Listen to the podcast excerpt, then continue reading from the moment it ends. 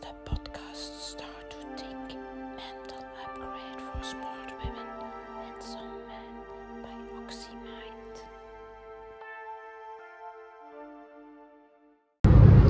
Waarom is controle belangrijk? Daar ga ik het vandaag over hebben. We zijn zaterdag 14 november 2020 en dit is episode, aflevering nummertje 84.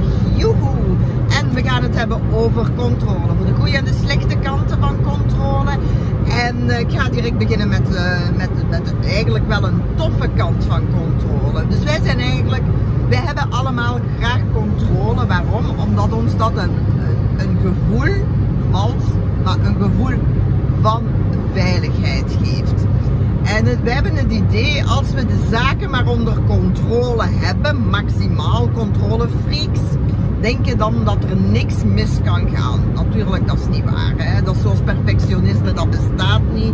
Maximale controle bestaat niet. We weten dat allemaal eigenlijk in ons binnenste.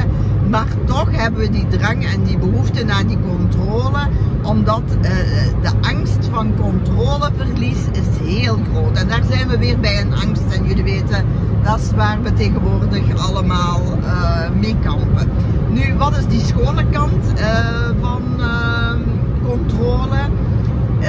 en ik ga, er is een spreuk en is in het Engels, of een quote moet ik zeggen, maar ik ken hem niet helemaal. Ik ga hem vertalen in het Nederlands.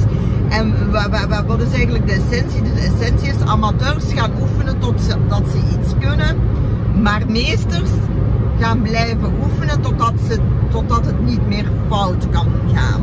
En hoe schoon is dat natuurlijk? Hè? Want het is, het is natuurlijk door die drive naar controle. En nu moet ik uh, spontaan denken aan een documentaire op Netflix uh, over Michael Jordan, uh, waar Dix en ik naar gekeken hebben in de vorige lockdown.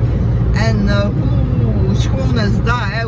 Hoezeer wil die man alles beheersen, zijn lichaam, zijn, zijn, de bal, het spel, mentaal enzovoort. En, en ook wat een lange weg heeft hij moeten afgaan. En wat een lange weg moet een meesters, meesterschap een keigoed in iets worden. Wat een lange weg is dat. Hè? En heel veel mensen ambiëren dat meesterschap natuurlijk. En ik hoor dat altijd opnieuw en opnieuw. En iedereen, maar niemand of weinigen zijn bereid van die lange weg uh, daarover, uh, daarvoor af te leggen. En de pijn en de angst en alles wat daar rondkomt. Door al die stadia te gaan om tot... te komen. En eerlijk gezegd, de meeste van ons zijn poesies. Wij kunnen heel weinig verdragen. Hè.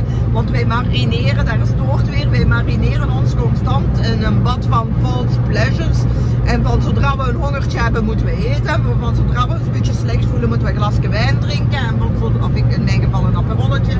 Of uh, van zodra... Uh, dat er ook maar enige emotie is die een beetje lastig is, gaan we die al verdringen. Hè? Dus ja, om, om tot een meesterschap te komen, eh, dat is duidelijk niet de weg. Hè. Dan moeten die false pleasures wel achterwege laten en aan de slag gaan met al uw, uw emoties en uw beperkingen en uw angsten, maar ook uh, uw, zelfs uw lichamelijke beperkingen soms uh, onder ogen zien enzovoort. Hè. Want niet iedereen is weggelegd om een topsporter nu in dit, of een topactrice of een topschrijfster te worden. Maar dus wat wou ik eigenlijk zeggen? Dat controle ook soms kan die drang naar controle om goed te worden in iets, dat dat ook een goede drive kan zijn en uh, dus eigenlijk een goede angst van toch uh, iets uh, uitzonderlijk te presteren. maar aan de andere kant wil ik het toch ook wel ook hebben over de angst van geen controle te hebben, dus die machteloosheid van zaken waar we geen invloed op hebben. En natuurlijk weet altijd goed wat is uw cirkel van invloed. Waar kunt jij impact op maken? Heb je invloed op? En maak een verschil van waar heb ik geen impact op en geen invloed. De hele wereldproblematiek. En ik ga het nu allemaal niet meer herhalen. We hebben het al de, uh, verschillende keren daarover gehad. Ja, vaak is dat buiten onze cirkel van invloed. En kunnen jij en ik daar niks aan doen of aan veranderen. Als je dat kunt, alsjeblieft, doe, doe het. Alsjeblieft, ga kijken altijd wat is mijn cirkel van invloed en waar, wat kan ik betekenen in die cirkel en waar kan ik wel controle op uitoefenen.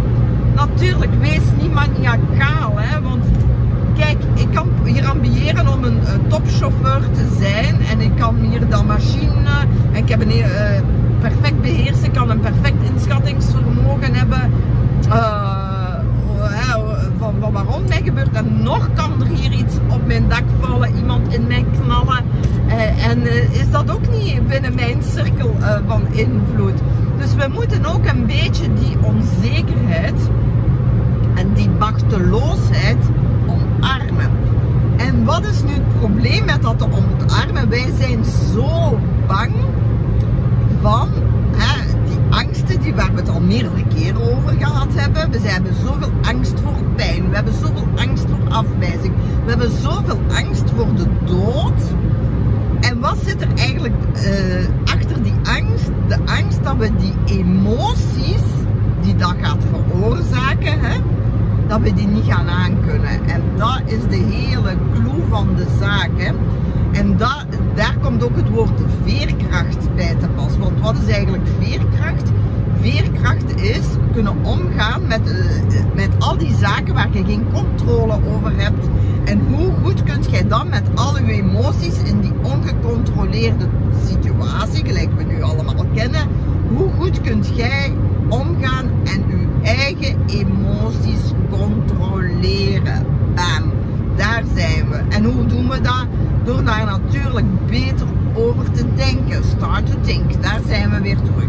Dus we willen beter denken over emoties die kunnen gebeuren, die, het gevolg gaan zijn van een van onze angsten die realiteit worden. Dus nu, bijvoorbeeld, pak nu de, uh, de dood of pak, nee, ik zal een andere pakken, afwijzing. Je hebt niet de job gekregen waarop je gesolliciteerd hebt.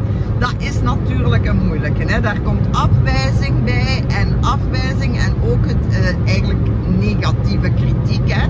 Zo ervaren we dat vaak van ik ben niet goed genoeg. En dat veroorzaakt dat idee natuurlijk. En die gedachten die je daar rond gaat voeden, die veroorzaken natuurlijk een immense pijn. En jij denkt dat jij niet met die pijn overweg gaat kunnen. En vaak bij sommige mensen leidt dat zelfs zo ver dat die niet gaan bijvoorbeeld solliciteren voor een andere job. Of dat die niet een lief gaan zoeken omdat ze zo bang zijn voor die pijn van afwijzing. Terwijl al de chaos en al de miserie die wordt veroorzaakt door daar controle over te krijgen, vaak meer pijn veroorzaakt dan de eigenlijke pijn van die afwijzing. Dus wat wil ik eigenlijk nu zeggen en waar, hoe wil ik eigenlijk afronden? Vertrouw uzelf. Leer omgaan. Word ook wat sterker en resistenter. Kweek ook een beetje uh, vertrouwen in uzelf. Best wel met moeilijke emoties om kunt gaan. En, en, en kalmeer uw gorilla of uw drama queen daarin. Jij kunt een mens zeer sterk hè. En velen die moeilijke dingen meemaken beseffen pas op die moeilijke momenten hoe sterk dat ze zijn. En uh, creëer ook niet een, uh, iets op voorhand al, een drama, dat je dan nog alleen maar gaat versterken op momenten dat er dan zoiets gebeurt dat buiten uw controle is. Dus omarm gewoon het feit dat je niet alles gaat kunnen controleren. Zo is dat nu eenmaal. En wie weet, uh, het is zoals ik in elke coaching en in elk intakegesprek gezegd, jij en ik, hè, wij gaan allemaal nog heel veel shit meemaken in dit leven. Maar uh, vertrouw er gewoon op en leer van daar beter mee om te gaan.